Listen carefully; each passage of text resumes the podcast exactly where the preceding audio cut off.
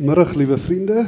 Ehm um, welkom hier by hierdie aanbieding van uh manlikheid in krisis, nie? Ja, Ek uh, verwelkom graag ehm um, Leandra. Leandre Koenig Gesagi uh wat vriendelik ingewillig het om die gesprek te voer met Julie en met Stella en met Chris. Chris. Uh Julie en Stella is die samestellers van die boek. Ehm um, en ek dink na die gesprek sal julle ook uh nuuskierig wees om te sien wat in die boek staan. Ek kan ek kan julle verseker is 'n uitstekende uitstekende ehm um, publikasie. Hy is beskikbaar teen R185. Dis 'n spesiale feesprys daar by die boeketent. Julle kan dit na die tyd aankoop daar en ek is seker Julie en uh, Stella sal dit vir julle teken as julle hulle mooi vra. Geniet die gesprek. Welkom en baie dankie. Middag dames en here, baie welkom by ons gesprek vanmiddag, soos reeds aangedui getiteld Manlikheid in krisis vraagteken. Ehm um, soos genoem ek is Leandra Koenig Versagie. Ek koördineer Unisa se Instituut vir Geslagstudies. Ek het ook by my Julie ehm um, Klasens en sy is 'n mede-professor in Ou Testament by die fakulteit teologie by die Universiteit van Stellenbosch. En dan het ek Dr Stella Viljoen wat 'n senior dosent is by die departement van visuele kunste by die Universiteit van Stellenbosch en ook meneer Chris Broodryk wat 'n dosent is in die departement drama by die Universiteit van Pretoria en Chris is ook um, op die oomblik besig met sy doktersstudies uh, by die Universiteit van Kaapstad by die Sentrum vir Media en Filmstudies. En ons gaan nou vanmiddag bietjie gesels oor die kwessie rondom manlikheid en of dit in krisis is. So ehm um, ek gaan begin met ek gaan bietjie vir Stella en en Julie vra om met ons te gesels oor die boek en hoe hulle op hierdie onderwerp afgekom het om die boek bymekaar te sit. Hoe het julle besluit om om 'n boek getiteld Sacred Selves Essays on um, Gender, Christianity and Popular Culture, waar die idee vandaan gekom? Um, ja, dit was eintlik 'n baie interessante sameloop van omstandighede. Um, ek is by die fakulteit teologie en ook deel van die Circle of Concerned African Women Theologians wat dwars oor Afrika um saamkom, konferensies hou, um veral jong um um um, akademici of um, um, probeer oplei ook hoe om- hoe skryf jy um, in 'n akademiese um, setting. En ons het toe 'n konferensie gehou by die fakulteit oor um, oor die tema besluit dit is 'n belangrike tema um, en t- tydens die konferensie toe daag Stella daarop wat by departement vis- um, um, kuns is visual arts. En um, sy het toe ook so 'n fantastiese um, presentation gehou en ons het toe na die tyd die energie gevoel iets gebeur iets spesiaals is besig om hier te gebeur omdat dit 'n baie interessante samewerking is tussen godsdiens en gender wat 'n interdissiplinêre belangstelling van my kant af is en dan weer van haar kant af ook die populêre kultuur en die gender dat dit op 'n manier kan saamkom. En ons het toe um, van die mense wat by die konferensie was wat baie van ons jonger studente is wat ook geskryf het vir die boek Um toe saam met hulle uh, meer gesoute skrywers ook wat in die veld al geskryf het genooi, soos Chris Broodryk en ons ook Leandra wat ook 'n by, bydraer in die boek is, genooi en die boeke toe oor 'n hele aantal maande en jaar het ons die boek um gewerk en verwerk en weer uh, saam saam ontmoet uh, um, in my uh, waar in my huis waar ons saam koffie gedrink het en tee gedrink het en gesels het ook oor die um, bydraers van elkeen van die um, bydraers. Um, en so die boek stadig aangegroei tot wat julle hier sien. Was, Ja, um, dis dis eintlik 'n lang storie, so ek is nie heeltemal seker waar om te begin nie, maar Julie het nou die storie vertel van die van die boek, maar dalk ook hoe ons op die onderwerp van manlikheid in krisis gekom het is is is dat ek dink die gesprekke wat ek en Julie al baie keer gehad het oor geloof, oor populêre kultuur, oor manlikheid, um, selfs as vrouens wat oor gender nou al vir 'n lang tyd skryf, is dat dit eintlik onmoontlik is om oor die vroulike te skryf sonder om oor die manlike ook te skryf. Um en dit is al vir eeue wat wat mans storieboeke skryf met ongelooflike amazing vroulike karakters.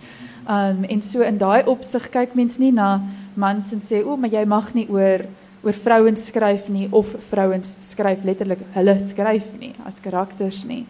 Um so ek dink vir albei van ons wat wat vrouens is wat nou vandag gaan praat oor mans en vir my wat 'n vrou is wat al redelik geskryf het oor manlikheid. Um is dit 'n onderwerp wat binne 'n baie spesifieke konteks uh ontstaan as 'n gesprek en en dit is ook die doel van die boek is om te praat oor gender as iets wat binne 'n konteks gebeur. As ons dalk net 'n bietjie vir Chris kan vra hoe hy uitkom by die onderwerp van manlikheid in sy eie studies en sy eie werk. Ja, um, sekerlik. Ek dink ek gaan 'n bietjie van 'n ompad vat. En dit gaan 'n bietjie bizar klink om daarmee te begin, maar as ek net terug kan gaan na The Passion of the Christ in 2004 wat uitgereik is en dit het 'n kritisie gedwing om aan hulle lesers te vertel wat is hulle eintlike posisie teenoor die film. So as jy Joods is, moet jy sê ek is Joods en ek kyk hierdie fliek en dit is hoe ek daaroor voel. En in daardie opsig voel ek ek moet sê ek is 'n wit Afrikaanse dopper wat glad nie hou van en ek wil amper sê ek verafskuw wat dit doen. Wat glad nie hou van hoe wit Afrikaanse mans uitgebeeld word of net selfs wit mans in algemeen in Suid-Afrikaanse visuele kultuur nie.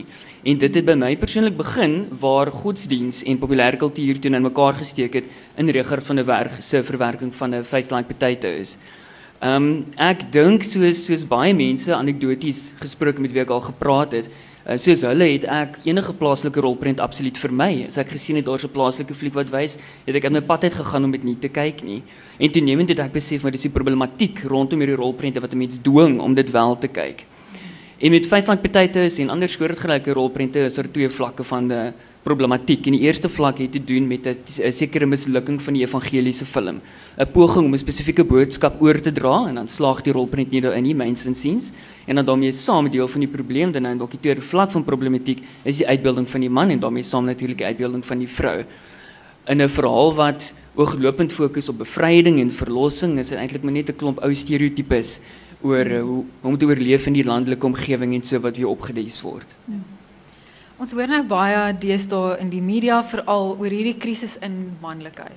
Stella het al bietjie daar geskryf vir die Mail and Guardian en Lori Galm skryf in die Burger daaroor. So ek wil nou ons hele paneel bietjie vra om bietjie te reageer oor is daar 'n krisis in manlikheid en indien wel wat is hierdie krisis? Julie, wil jy vir ons begin? Ja, ek dink dit was nou in die laaste paar weke ontsettend in die nuus ook gewees met ehm um, die minister van ehm um, vroue, kinders en dis ehm um, gestremdheid wat die uitlating gemaak het dat Afrikaner mans is ehm um, gewelddadig as gevolg van hulle kalvinistiese ehm um, um, hoe hulle groot gemaak is in 'n kalvinistiese godsdienst wat nou die godsdienst baie sterk inbring. En mense was woedend vir haar en daar was 'n klomp ehm um, mense wat daar gepraat het gesê het maar dit kan tog nie wees nie en weet weet sy uh, stereotypeer.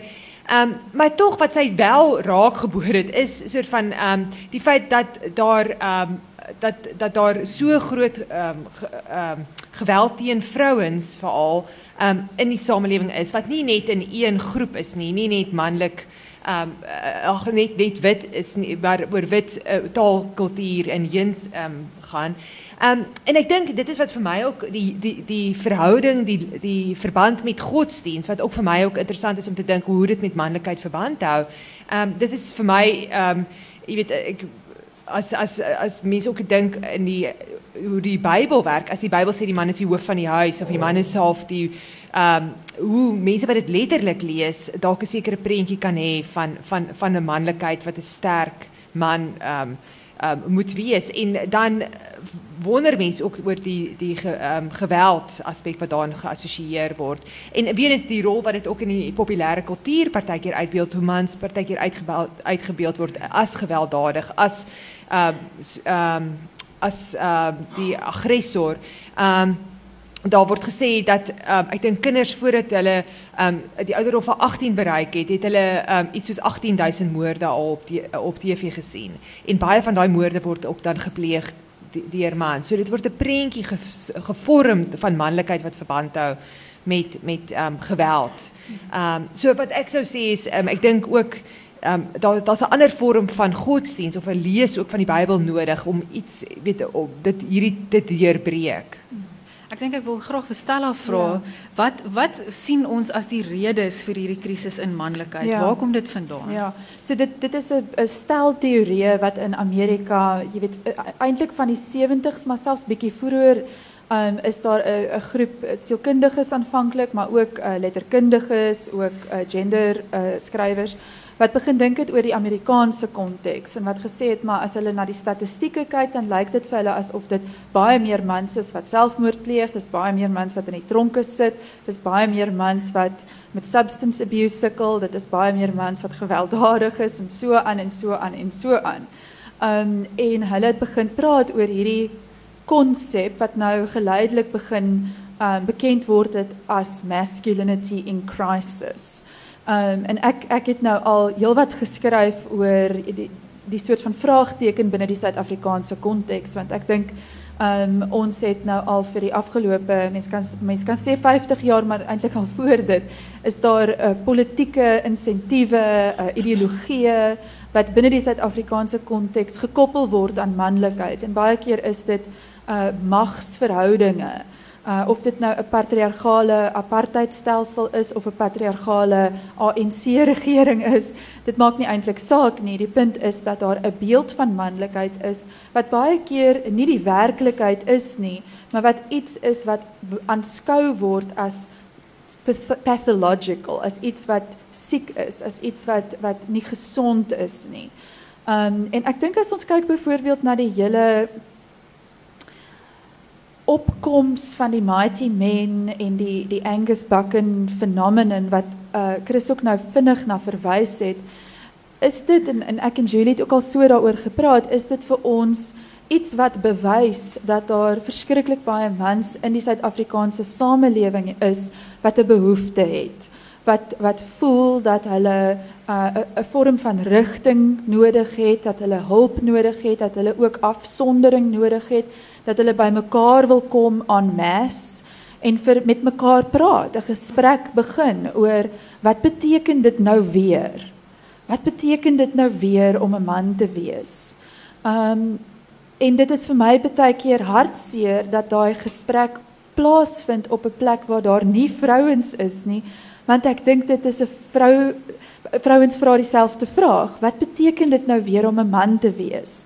Wat beteken dit nou weer as ek 'n man soek om mee te trou of as ek um 'n man as 'n baas het, hoe moet ek met hom in verhouding tree? Um as ek 'n regering het wat my laat voel asof ek 'n uh, 'n uh, interest group is, jy weet. Um wat deur quotas kan reggemaak word. Wat beteken dit nou weer? En ek dink ook daar is 'n manier waarop die kerk in daai gesprek inkom. In Suid-Afrika praat ons ook baie meer oor krisis in terme van ras. Um uh, mans wat voel uh wit mans wat voel dat hulle nou gebruik ek weer 'n anglisisme maar jy weet poster child of apartheid. Uh wie is die sondebok wat ons na kyk en dit is 'n wit man. Um en en jonger wit man studente wat ek mee praat wat sê maar ek verstaan nie hierdie apartheid ding nie dit het niks met my te doen nie ek wil nie daaroor praat nie. Vat jou stories en jy weet hulle praat hulle skryf oor apartheid asof dit die holocaust is. Dis iets wat abstrak is dit het niks met hulle te doen nie.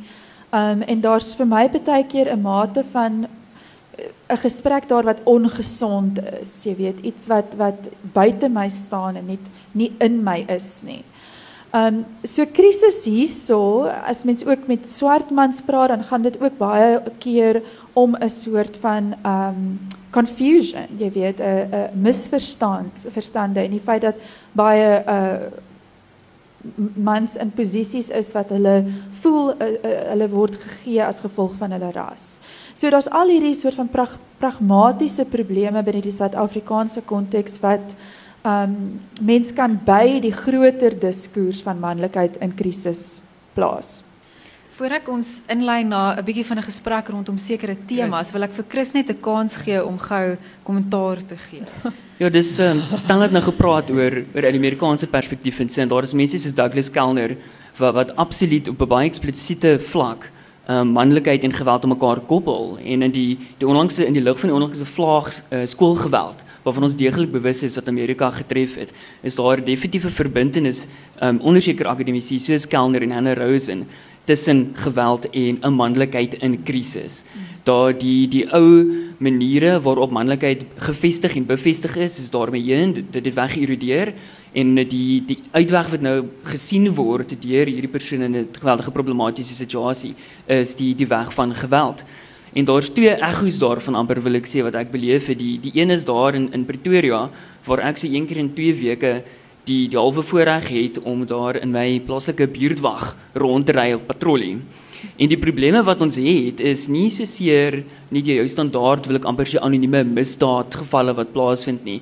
Want dit is jou jou jou jong mans wat geweldig probleme veroorsaak teenoor mekaar wat wat die ambulans moet ontbied en dit, dit is asof daar nie nie um as ek die woord kan gebruik uitlaatklepe is vir hierdie mense om deur hulle aggressie te werk en ons gaan waar die aggressie natuurlik nou vandaan kom met miskien met die politieke te doen.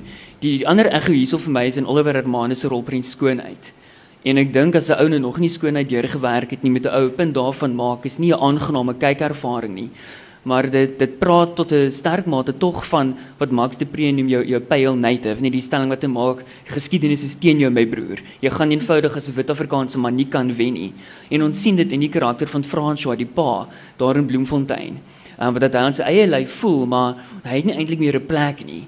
En die die ou spanning van van die politieke, ons praat uh, van antieke Grieke van van die polis en die die huis die oikos is weer daarso. Nou voel Frans hy het nie regtig mag binne in die huislike nie, hy het nie mag in die op 'n uh, politieke vlak nie. So wat nou? En sonder en iets te bederf, die rolprent wys weer eens, maar dit is deur geweld op die ou end wat daar na al hierdie negativiteit en hierdie persepsie van ek as iemand wat ingedoen is en daar is nie meer vir my pad vorentoe op politieke vlak nie, dat geweld weer eens die die uitweg is vir 'n spesifieke karakter. Is skoonheid. Skoonheid. Skoonheid. Ja, hy het, hy het so 2 jaar terug dink ek by Cannes het hy die Queer Palm ja. gewen. Skoonheid. Dankie Chris, jy het nou eintlik ons tema vir ons bietjie ingelei want ek wil bietjie vir Julie vra om met ons te te praat oor manlikheid en geweld. Julie, jou hoofstuk in die boek gaan oor Stieg Larsson se boeke The Girl with the Dragon Tattoo en jy skryf oor in die eerste boek waar daar 'n moordenaar is wat moorde pleeg op vrouens wat gebaseer is op 'n misinterpretasie van sekere Ou Testament skrif en ek glo dit is waar jou belangstelling daarin vandaan kom. Maar gesels bietjie met ons oor jou hoofstuk en oor die verbintenis tussen manlikheid en geweld. Ja, dit is 'n um, ontsettend 'n interessante um trilogie boeke en mense het so 2 uh, jaar terug het mense gesien almal lees dit, weet so van die 1700 bladsye van hierdie rooi, blou en groen boeke. Um en dit is toe nou in Sweeds vervilm die die trilogie. En dit is ook nou in um in die uh, Amerika 'n uh, uh, remake gemaak in met um, Daniel Craig as die hoofkarakter wat ook interessant is. Maar die boek um, die die um, die drie boeke is The Girl of the Dragon Tattoo, The Girl Who Played with Fire and The Girl Who Kicked the Hornet's Nest. Wat baie interessant is in die Sweeds is die die titel van die boek Men Who Hate Women. So mans wat vroue haat. En die eerste boek begin elke deel van die van die hoofstuk, ag van die boek, begin met statistieke van geweld teen vroue. En dan in die derde deel wat dit ook dan 'n soort van 'n um amper 'n vroulike um warrior ge, um so um gevegte um dat die vrou wat terugveg, um is daar allerlei voorbeelde uit die geskiedenis van van 'n vrou wat soort van uh, weerstand bied ook ook teen geweld.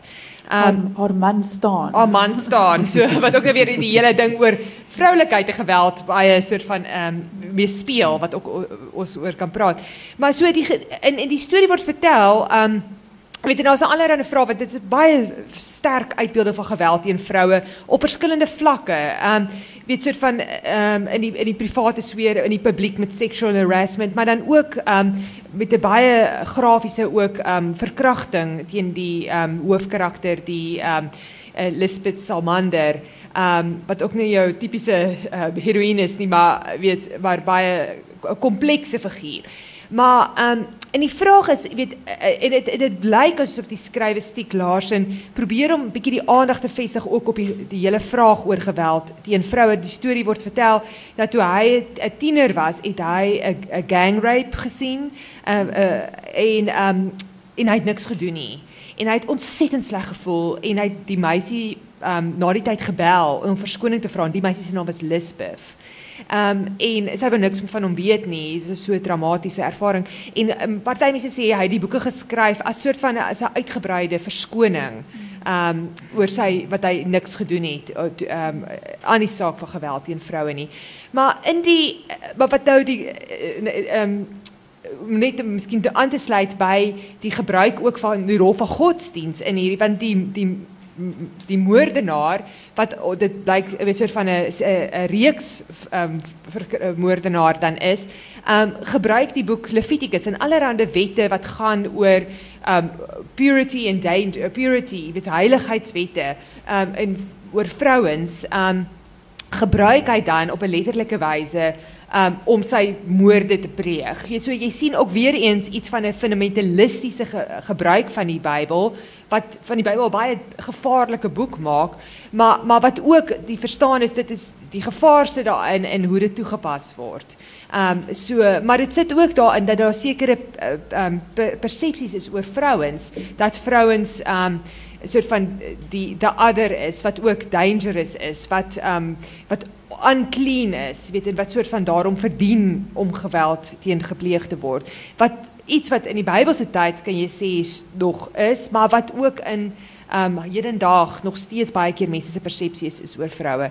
So ek dink wat die boek interessant maak is dat dit baie hierdie stereotipe soort van oplig en wys en identifiseer, maar dat dit self ook werk met ehm um, dat dit die stereotipe deurbreek. Jy weet so jy sien die meisie ehm um, ehm um, Lisbeth Samander is jou glad nie jou tipiese hoofkarakter nie. Sy is ook dan ehm um, uh, iemand wat baie sterk is in terugveg en ehm um, ook met geweld.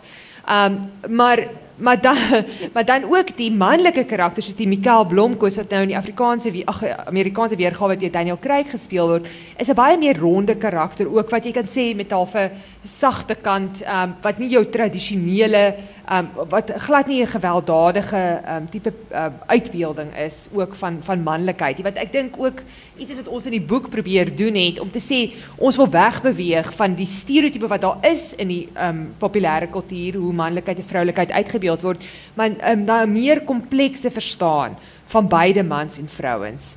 Ehm um, wat wat dan ook gaan oor ehm um, om so van die menswaardigheid ehm um, soort van dit te kan ophou as 'n as 'n ideaal. Ja. Dankie Julie. Dit is nou 'n goeie skets van die Skandinawiese konteks gewees of van die 'n uh, konteks uit Skandinawiese fiksie uit, maar ek wil verstel of vra 'n bietjie met ons te gesels oor manlikheid in ons plaaslike konteks.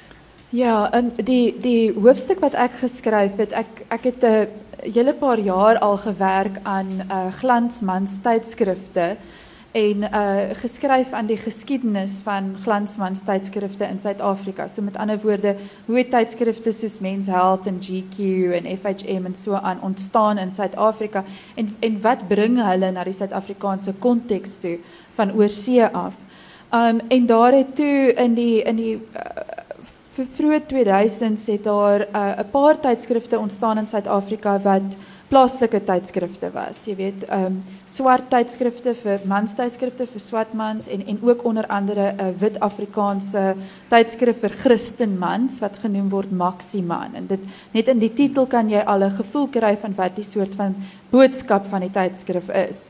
Maar in elk geval, ek het ek het toe nou daarna gekyk en ek dink die vraag wat ek gevra het is daar is 'n media kenner uh, wat in die 1960 sy naam is uh, Marshall McLuhan wat al in die 60s baie duidelik en baie bekend gevra het um is the medium the message? Jy weet en sy gevoel was dat um die boodskap van 'n boek of die boodskap van 'n film of 'n musiekvideo lê nie net in wat gesê word of wat gedoen word in die narratief nie maar ook in die medium op sigself So ek was toe baie geïnteresseerd in wat is dit wat 'n glansmans tydskrif doen wat ehm um, sulke ongelooflike groot sirkulasiefigure en jy weet dat dit dat die tydskrifte so goed doen. Uh Men's Health is die een wat die beste verkoop in Suid-Afrika en dit doen baie goed. En as ek mens kyk na die tydskrifte dan is dit ook vir 'n mens interessant om te sien die mate van ontvlugting um, wat in die tydskrifte aangebied word vir mans. Jy weet dat byvoorbeeld om net iets triviaal te te noem is die feit dat mans altyd aangespreek word in hierdie tydskrifte asof hulle enkellopend is. Hulle het nie vrouens nie, hulle het nie kinders nie. Um a, a, a picture of eternal and thriving bachelorhood. Um en dit was vir my interessant. Ek sê nie op sigself is dit iets wat sleg is nie, maar dit dit is interessant. En en ek kom eintlik uit 'n kunsgeskiedenis agtergrond uit, so ek vra die heeltyd wat is die verskil tussen 'n kunsmedium en byvoorbeeld iets wat mense sou as populêre kuns beskou.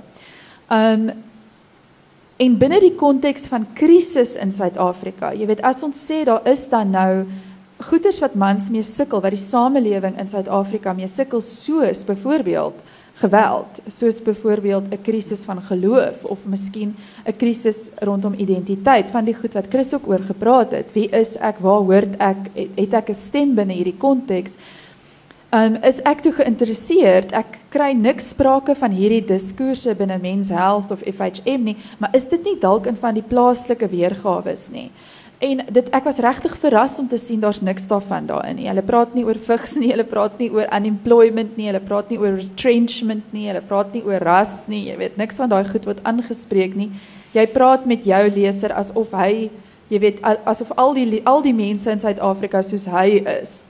Um en dit het my bietjie laat dink oor wat die verskil tussen is, wat wat die verskil is tussen iets soos wat 'n kunswerk kan aanbied. En dit is my wonderlik dat Chris oor skoonheid praat. Skoonheid is 'n verskriklike moeilike film. Dis harde werk om dit te kyk. En dit is nie 'n film wat eers baie mense gaan verskriklik aanstoot vind in so 'n film en ek self is nie lus vir hom nie.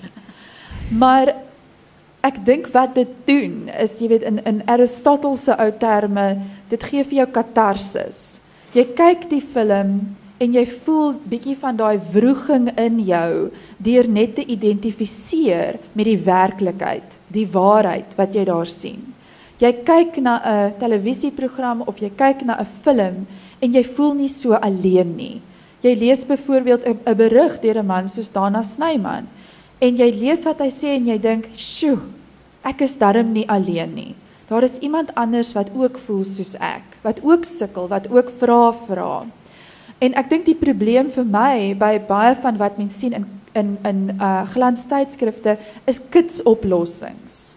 Jy weet dat dat dat die tydskrifte in die eerste plek nie krisis aanspreek nie, maar in die tweede plek vir jou 'n 10 step antwoord gee op jy weet jy sukkel met jou vrou, jy's nie 'n goeie pa nie. Hier's vir jou 10 steps, hulle gaan jou uitsorteer. Gewoonlik het dit te doen met 'n smoothie drink en sit-ups doen. maar ehm um, Ja, so dit dit is bietjie binne die plaaslike konteks dink ek vra ek die vraag, jy weet, waar kom internasionale media met al die probleme vanuit 'n internasionale konteks met die Suid-Afrikaanse media bymekaar?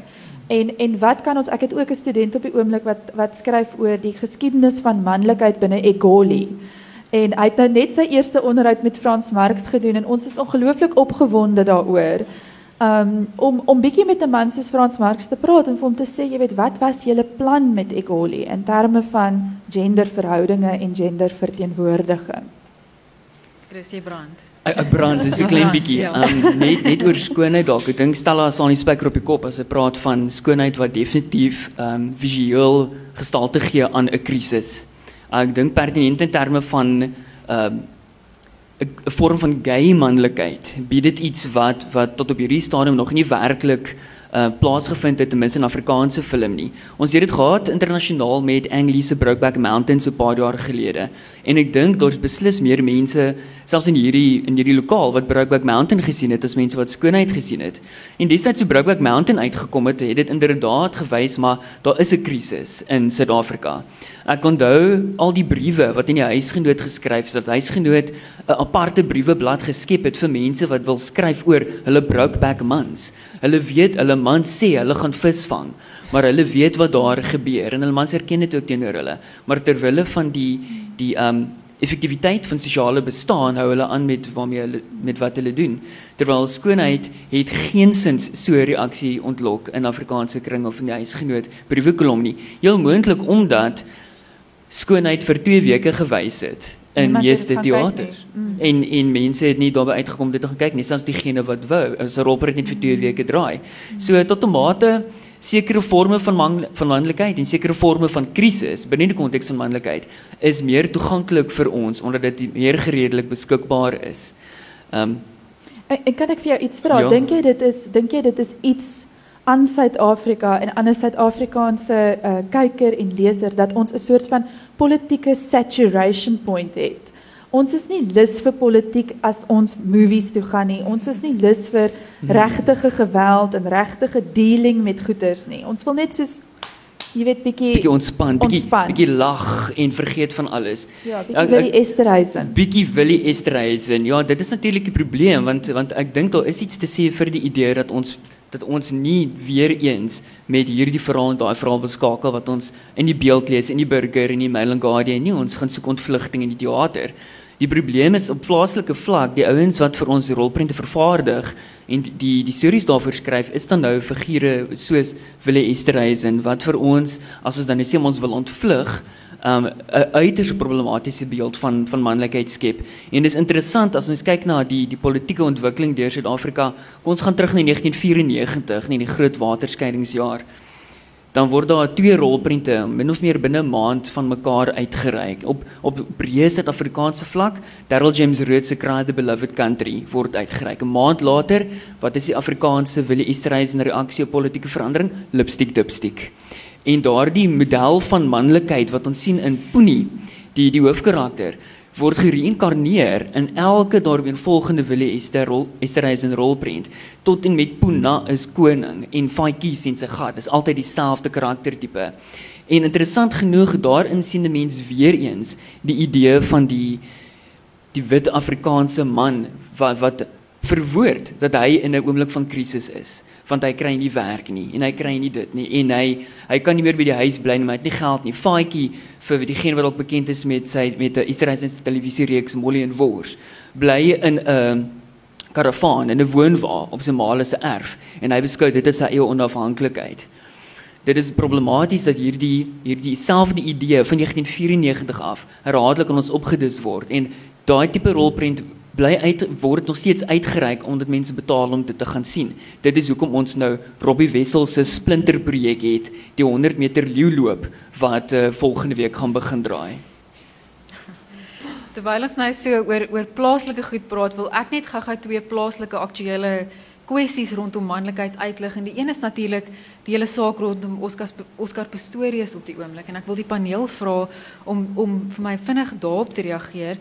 En as ons oor manlikheid en geloof praat in die Suid-Afrikaanse konteks, moet ons natuurlik na die hele Mighty Men Angus Buchan fenomeen ook aandag skenk. So ek gaan ek gaan vir die paneel vra om ons het 'n bietjie tyd. Ja, Ja. klein bietjie tyd. Net vra om die- daarop te reageer, Julie. Nee, dankie. En ek dink ehm die vraag is ook rondom ehm om aan te by die Oscar Pistorius is maar net wat ehm die die fokus ook op op die oor die jagkultuur en daar was 'n gewees oor die, gesin wat 55 gewere het. So mens het geen idee wat presies gebeur het nou in in hulle ehm binnekamer nie, maar maar maar daar is iets van van die jagkultuur wat wat baie sterk ge ehm uitgelig is wat wat mense kan sê iets te doen het van waar vind um soort van mans, soort van 'n ruimte in waar hulle self kan uitleef. En dit is baie keer in 'n jag of 'n ekstreem sport of um 'n plek waar hulle self kan uitleef en hulle um manlikheid kan kan uitleef. Um wat wat soort van of weet problematies is omdat die die man vrou split baie sterk man soos 'n man buite in die publiek wat gaan jag en vrouens binne in die die die private sfeer. Um en weet dit um wat wat ek dink uh, soort van problematies is in daai sin. Um en dan ook die ek dink die Angus Buchan is ook dit gee mense ook weer 'n uitlaatklep om iewers weer jou hoofskap te gaan uitleef, om dit weer terug te bring, weer terug te gryp na amper 'n tipe nostalgiese um verstaan ook van toe mans nog mans was 'n vrouens weet ge- gedoe. Ja, um, weet jy die die Oscar Pistorius saak is vir my baie moeilik. Ek weet nie lekker hoe om vat daaraan te kry nie of of of mens selfs eers daaroor moet praat nie, want dit voel vir my dit hijack bietjie die agenda van regtige kwessies in Suid-Afrika. Maar maar wat ek dalk vinnig sal sê is um dit voel vir my daar's 'n leemte in terme van rolmodelle.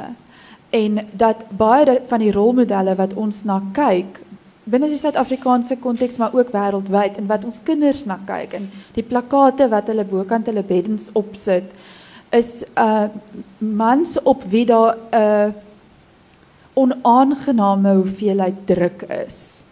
So, jy weet, ek dink dit is amper onmoontlik om 'n Hansie Cronje of 'n Oscar Pistorius of a, om jy weet 'n professionele sportman te wees, 'n Lance Armstrong met die hoeveelheid druk wat daar op hulle is, die hoeveelheid lig wat daar op hulle ge, geplaas word. Dit is onmoontlik om 'n volwasse manlikheid daar te ontwikkel.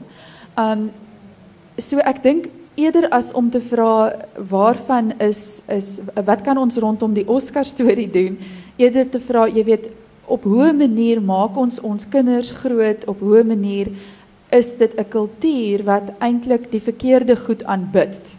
Um en dit is 'n gesprek wat ek baie met my pa het, jy weet, om 'n to live a small life but a good life, om 'n om 'n klein lewe te lewe, miskien, maar om 'n volwasse lewe te lewe. En as mens kyk na media binne die Suid-Afrikaanse konteks, um vir alles mens kyk byvoorbeeld na na fotografie en die en die geskiedenis van fotografie. Jy kan een ras uitlig, sê maar jy vat swart mans onder die apartheid regime dan kan jy sien dat daar baie duidelik deel van die die die media masjien was om mans as anoniem en as 'n uh, 'n uh, 'n massa en as 'n uh, 'n uh, onvolwasse uit te beeld. Um en ek dink 'n volwasse manlikheid wat dit beteken en en en hoeveel rolmodelle daar daarvan is, um is iets wat ons dalk moet oor gesprekke voer. Ek dink ek sal net kortliks net wil staan by een punt oor Oscar Pistorius want ek sien saam met Stella dit is ehm um, dis iets wat nog geweldig afstand kort voordat 'n mens werklik daar kan gesprek voer. Maar wat my opgeval het en is die oor die algemeen in die media, die klem op die die instink, instink op twee vlakke. Dit is sy en ek dink Julie het eintlik indirek ook daarna verwys. Dit is sy sy instink as sportsman en dan sy instink as man. Ja. Die die figuur wat veronderstel is om sy huis te beskerm want jy jy moet uh, voorsien vir jou familie en jou familie kan beskerm. Dit is een van die tradisionele uh, kenmerke van die suksesvolle man. So dit is interessant hoeveel klem daarop gelê word sonder dat die idee werklik geproblematiseer word deur die media dat hy hy het uh, bloot opgetree soos soos wat 'n man sou optree binne 'n spesifieke situasie. Ja, wat vir my interessant was van die hele Oscar saga in die media is hoe ons Oscar gebruik om ons punt mee te maak vir ons. Byvoorbeeld die die vroueregte drukgroepe het dit nou gebruik om te praat oor geweld teenoor vrouens en ons weet nie regtig of Oscar Verriva doodgemaak het juis omdat sy sy ehm um, sy sy meisie was en on, ons weet nie wat gebeur het nie. Ja. Die Amerikaanse media, veral die die linkse media het dit nou gebruik om om te praat oor ehm um, vuurwapen eienaarskap en wat die wat die ehm gevolge is daarvan. Die New Yorker het 'n artikel gedoen genaamd um, Oscar his girlfriend and his gun. En en wat hulle nou basies gesê het as Oscar nie 'n vuurwapen gehad het nie, was Riva nou dalk nie dood nie. So dit is nou my baie en dit is waarvoor ek bang is ook so Stella nou sê dit, ons moenie toelaat dat dit die die die issue hijack nie want ja. ek dink dit word baie dit baie gebruik. Ek dink ek wil vir Chris ook okay. net daarbey sê die, die wat ehm um, manne gou het ook artikels skryf oor die feeding frenzy ja. wat ook met die media was en selfs ook weet hoe hulle vir ehm um, Reva uitgebeeld het en weet ja. soort van net weer die die stereotype van die mooi meisie in die bikini of ja. geperpetueer het weet so passief en en passief jy ja. weet so ja. ja. Ja. Ek wil ek wil ook iets sê daarby voeg Leandra. Um en dit is as mens weer eens kyk na glansmans tydskrifte is is daar een van die narratiewe wat oor en oor uh uh uitgebeeld word is die die belangrikheid van testosteroon. En op verskeie maniere word dit baie keer as 'n joke en keer heel ernstige soort van pseudo wetenskaplike artikels en so aan. En en daar's baie keer word daar gesê en en as mens nou 'n bietjie lees oor wat sielkundiges en medisy sê daaroor ook dat as jy uh, die mans wat dien, wat baie keer wat sporthelde is, is mans wat effentjies meer testosteroon het. Hulle is bietjie meer kompetitief, hulle is geneig om meer dryfkrag te hê, hulle kan bietjie langer uithou. Hulle voel nie pyn so seer nie. Um en en en dat daar daar 'n kwaliteit is aan 'n bietjie bietjie hoër vlak testosteroon wat eintlik uh uh iets is wat ons veridealiseer binne die samelewing. Maar dan sê hulle ook altyd As jy net 'n rapsie te veel het, dan is jy geneig om selfdestruktief te wees. Um en hulle gebruik ek het 'n onlangse wetenskaplike artikel gelees wat gebruik geplaas het gepraat het oor uh, resies uh, wedrenryers, bestuurders en en wat ges, wat die testosteroon vlakke ge, ge, ge, gemeet het en gesê het dat daar uh, as jy net 'n bietjie hoog opstoot, dan is hulle geneig om ongelukke te veroorsaak, om om uh, onverantwoordelike besluite te neem. Um en ek dink met die met die hoeveelheid druk wat daar op mense soos Lance Armstrong en en en Oscar is, jy weet, sit ons met so 'n situasie. Te veel testosteroon.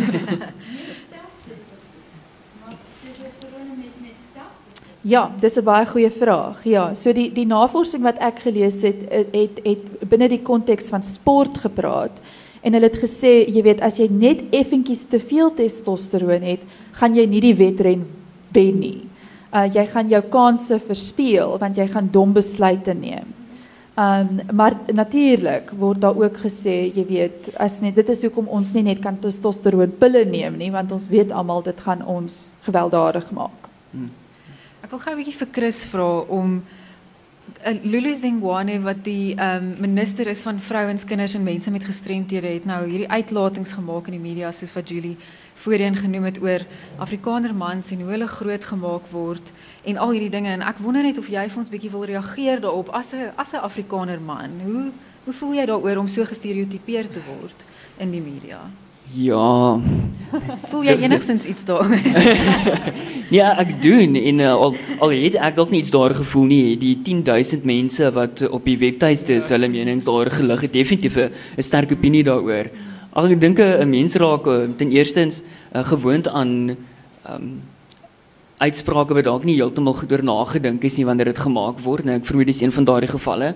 Maar ek kon nie help na die die eerste skokreaksie toe nou oor my gespoel het nie. Om net bietjie te wonder nou maar uh, uh, as ons sê sy sit die pot mes hoe ver sit sy dit mis of is daar dalk iets daarom oor te dink? En uh, ek gaan ook 'n bietjie van 'n van 'n sprong hierso neem maar as 'n ou nou dink in terme van die idee van nostalgie nou nou praat ek met my eie studente wat ook uit 'n wit Afrikaanse agtergrond kom en hulle as ek nou kan sê hulle leer in hulle huise nê.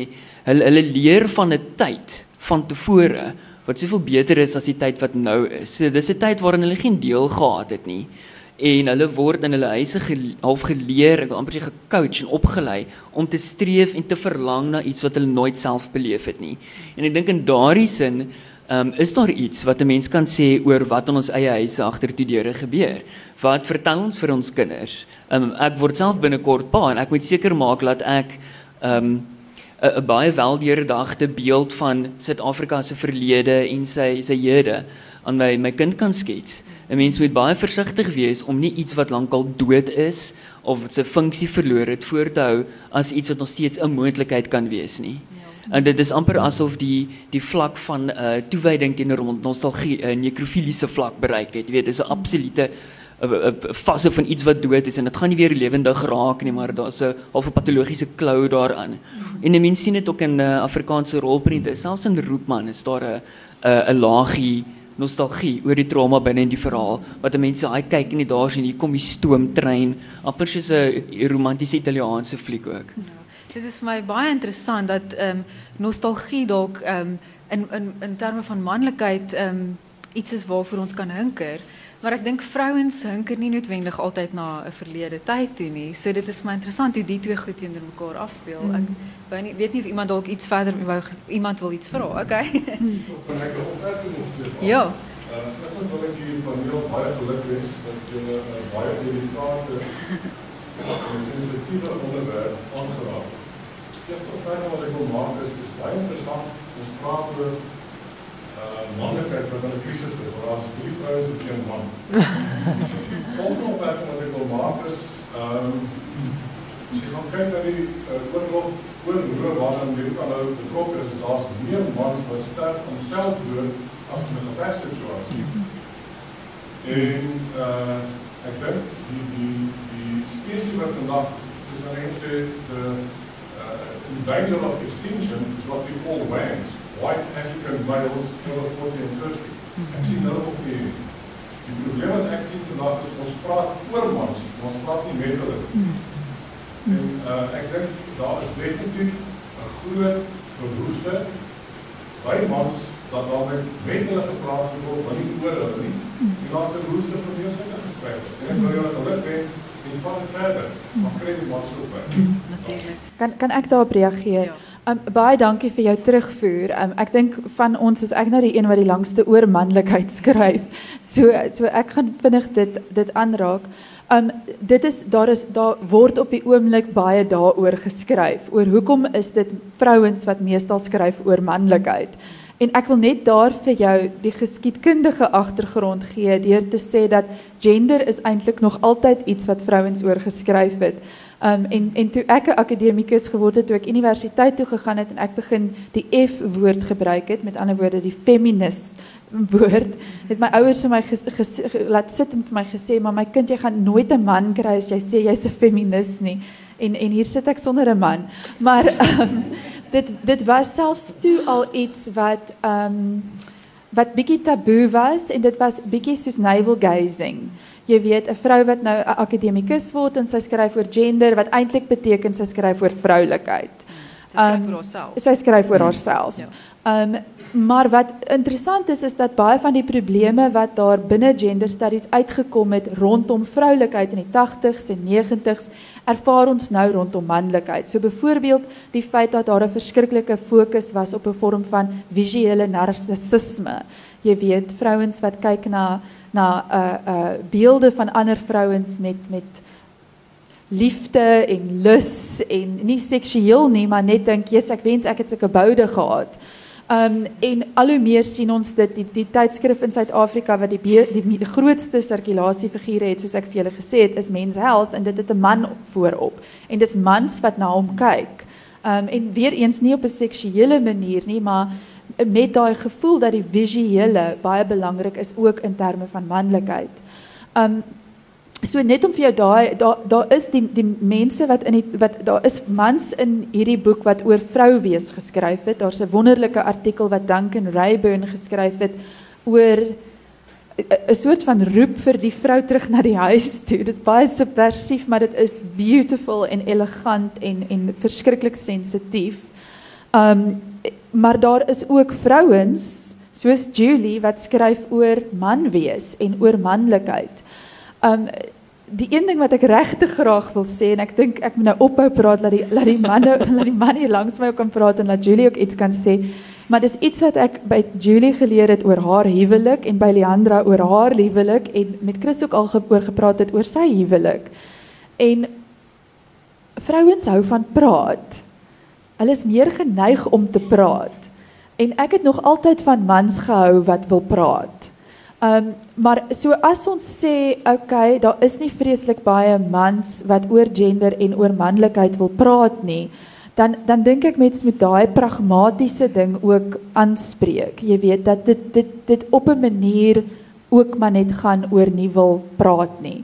Um en ek dink dit is baie belangrik binne tydskrifte en binne films en binne huwelike dat ons met mekaar praat en aanhou praat tot ons nie meer vir mekaar kwaad is nie. Ek dink ja baie dankie. Ek dink Stella het nou nogal die baie volledig daarop gereageer. Ek wil net ter ondersteuning sê absoluut daar daar moet meer geleenthede wees en selfs vir 'n groter kollektief om om saam te sit en hierdie sake aan te raak. En daar is sulke oomblikke die die media moet dit net reg gebruik. Um, as ek destyds dink aan um, die hele Boetman is die bliksem in Saag. Ek meen die daai hele kan wurms het daar oopgemaak. Dit was 'n en verstaan my as ek dit nou so stel, dit was 'n fantastiese oomblik vir daardie tipe gesprek om te kan plaasvind. En en die gevoel wat ek het is dit het nou plaasgevind en en nou moet dit aangaan en die die media het 'n verantwoordelikheid om seker te maak dink as ek nou al voorskrifklik kan wees nê om seker te maak dat daai tipe gesprek kan aangaan wanneer die oomblik in terme van die sensasie daarvan wel verby is en so geleentheid is 'n geleentheid vir verdere gesprek daarom Julie jou laaste opmerking. Nee, um, ek dink um, ek dink dit is ontsettend belangrik. Jy weet ook waar waar geëindig het by um, Sacred Selves, die titel van die boek, is om te sê dat um, feministe is nie net vir vrouens nie, maar um, vir um, die regte van mans en vrouens. Ehm um, ek het so 'n idee dat ons ons wil in 'n gemeenskap bly waar mans en vrouens en ehm um, almal tussenin die ruimte om te wees wie hulle is en ook as ehm um, as, sacred selves, hulle ehm um, um, kan kan uitleef. Hulle human dignity. Hulle menswaardigheid Ja, kan en- en- ten volle kan uitleef. Daar agter sê hulle Daar agter is 'n man wat sê syne sê gooi. nee, Ehm, maar so ons ehm, moet ek dink ons gaan ons gaan klaarmaak en ek wil die paneel regtig die bedank. boek. Dank vir bedank. ek wil die paneel bedank vir vir hulle bydrae en vir die gesprek en ek dink ons het dit almal baie ehm stimulerend gevind en ek ek dink ons gaan almal bietjie dink en met ons mans en ons vrouens gesels gesels oor hierdie goed. Ons gaan nog 'n oomblik hier rond wees. Ja, so as enigiemand wil kom gesels mevrou, ons praat graag oor die boek. Ehm maar baie dankie vir die paneel.